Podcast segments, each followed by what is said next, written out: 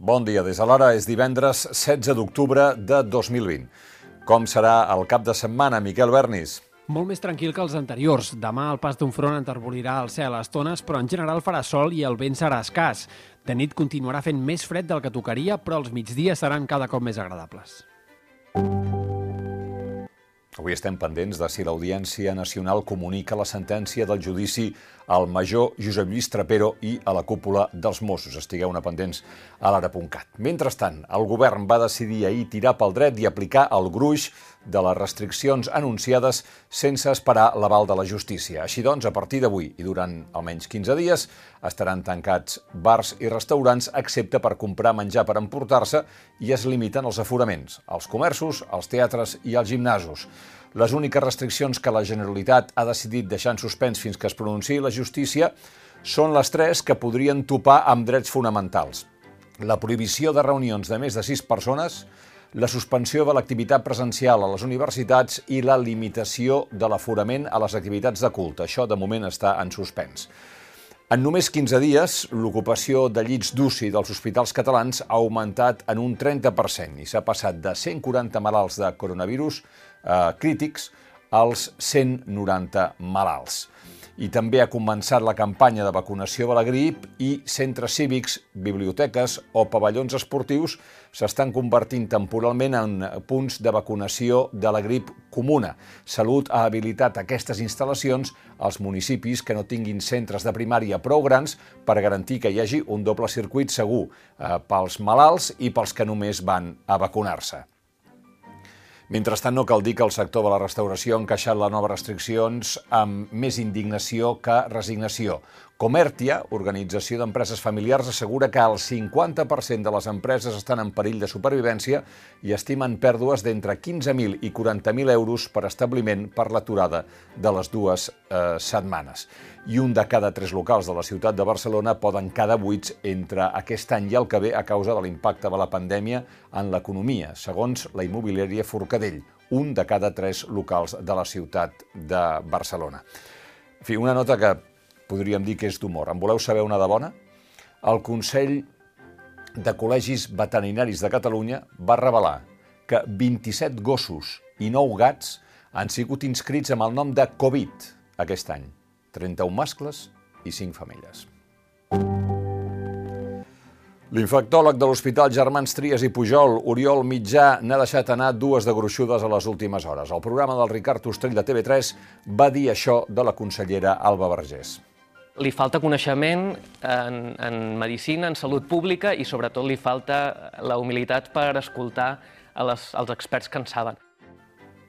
I després, el programa d'Òscar Fernández i Empar Moliner a Catalunya Ràdio va parlar del doctor Argimon i Argimon el va contestar a la tarda.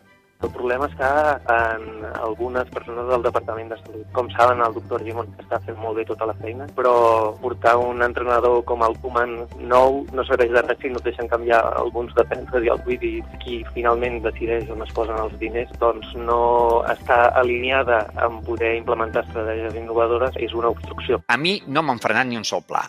I si a mi em frenessin un pla, si a mi em frenés algú un pla que jo considero que és doncs, cap dalt, i que el podem executar, doncs aleshores, escolti'm, ho explicaria i me n'aniria.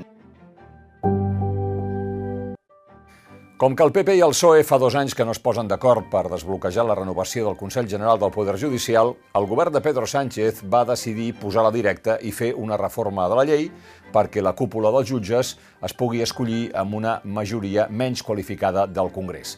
PP i Ciutadans van anar a la Unió Europea a dir miri què estan fent. I la Unió Europea ha advertit a Espanya que la direcció en què ha d'anar qualsevol reforma del sistema judicial dins d'Europa és la de eh, reduir la influència del poder legislatiu eh, sobre el poder judicial per enfortir-ne la independència. Cal dir que totes les associacions judicials, des de la més conservadora a la més progressista, han demanat mantenir el sistema vigent, tot i el mandat caducat des de fa dos anys del president del Consell General, Carlos Lesmes.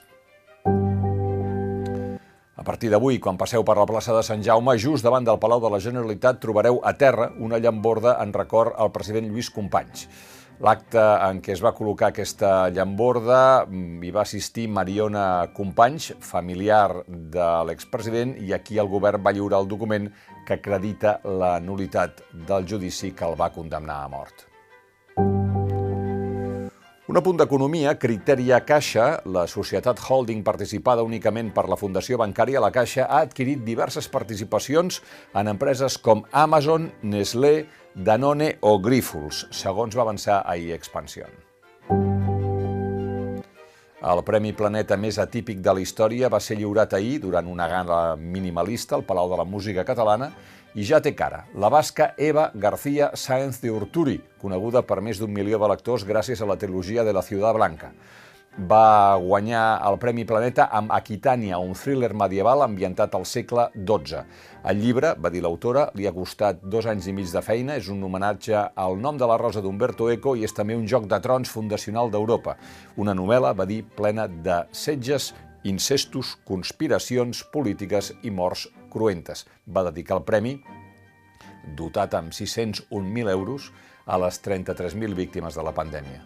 I no oblideu que, malgrat les restriccions d'aforament, els teatres i cinemes continuen oberts i a l'hora d'avui hi trobareu la cartellera. I el vot de censura al president Bartomeu i a la Junta del Barça se celebrarà per tots sants i el referèndum durarà dos dies. Ahir la tarda el Barça va rebre a la Secretaria General de l'Esport el protocol per organitzar la votació. Serà el diumenge, dia 1 de novembre, el dia de tots sants, i el dilluns, dia 2 i es faran diferents seus. No, no s'han concretat quines, però estaran repartides per Catalunya i per Espanya. Mentrestant, la jutge ha decidit prorrogar un mes més el secret de sumari de la causa del mal ús de les xarxes socials per part del Barça. La jutge encara no ha rebut tota la informació de les parts implicades i per això fa aquesta pròrroga. I mentrestant, la pilota belluga, el Palau Blaugrana, el Barça va solucionar ahir el partit contra el Panathinaikos amb una victòria a la pròrroga, amb més ofici que brillantor. El Barça va guanyar 97-89, com veuen. L'equip blaugrana va ser capaç de recuperar un desavantatge d'11 punts en dues ocasions. I acabem amb una mena de consell reial. Meghan Markle, l'esposa del príncep Enric d'Anglaterra, ara tots dos viuen als Estats Units, ha explicat que no té xarxes socials personals per preservar la seva salut mental. De fet, diu que aconseguir unes xarxes socials més saludables pels usuaris i alertar sobre les conductes que poden incitar a l'odi és un dels principals objectius de la fundació que ha posat en marxa la parella. El príncep Enric i Meghan Markle tenien un compte oficial a Instagram, Sussex Royal, que no s'actualitza des del març. Diu l'exactriu, vaig prendre la decisió personal de no tenir cap mena de compte i això m'ha ajudat molt. Fins aquí les claus del dia. Tornem d'aquí uns minuts amb l'anàlisi de l'actualitat.